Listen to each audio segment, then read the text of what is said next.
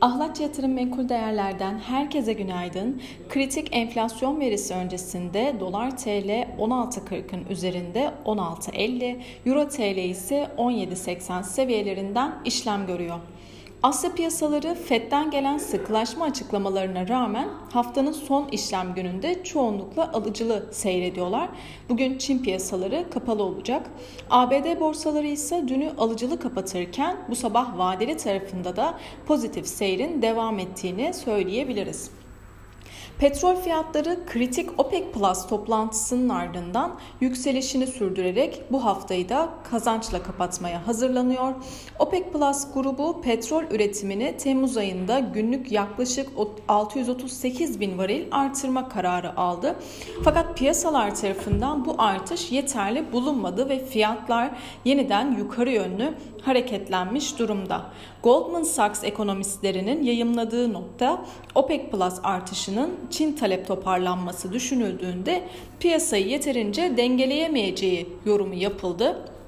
Dolayısıyla bankanın yılın ikinci yarısı için ortalama Brent petrol fiyat tahmini 125 dolar seviyelerinde olduğunu söyleyebiliriz. Bugün Amerika'da tarım dışı istihdam verisi açıklanacak. Veri öncesinde ons altın 1868 dolar seviyelerine yükselmiş durumda. Beklentiler tarım dışı istihdam verisinin 325 bin kişi artacağı yönünde.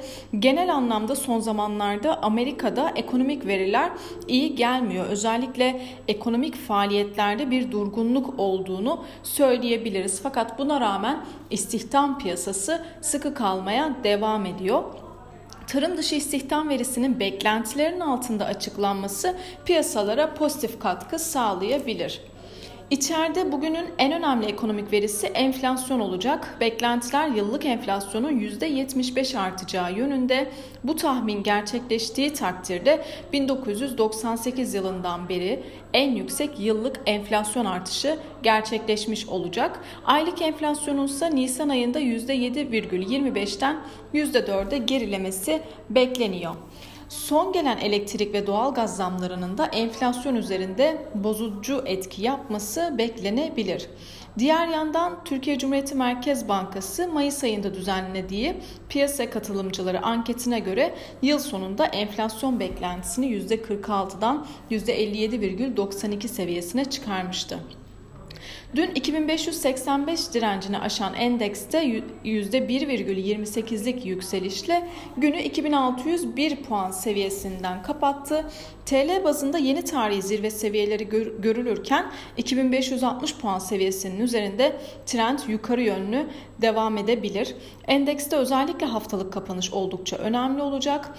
E, aşağıda 2000 585 ee, ve 2560 seviyeleri önemli destek noktaları. Bununla beraber yukarıda ise 2650 ve 2670 puan seviyeleri de direnç olarak takip edilebilir. Bugün içeride yurt içi enflasyon ve üfe rakamı takip edilirken yurt dışında ABD tarım dışı istihdam verisi ve Euro bölgesinden gelecek olan perakende satışlar verisi takip edilecek. Herkese bol kazançlı güzel bir gün dilerim.